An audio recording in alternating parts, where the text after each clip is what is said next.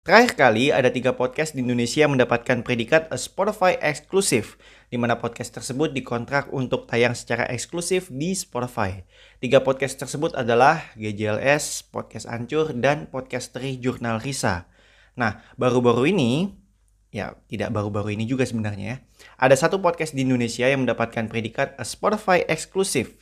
Dan podcast tersebut adalah podcast pendek-pendek. Wah, jelas ya.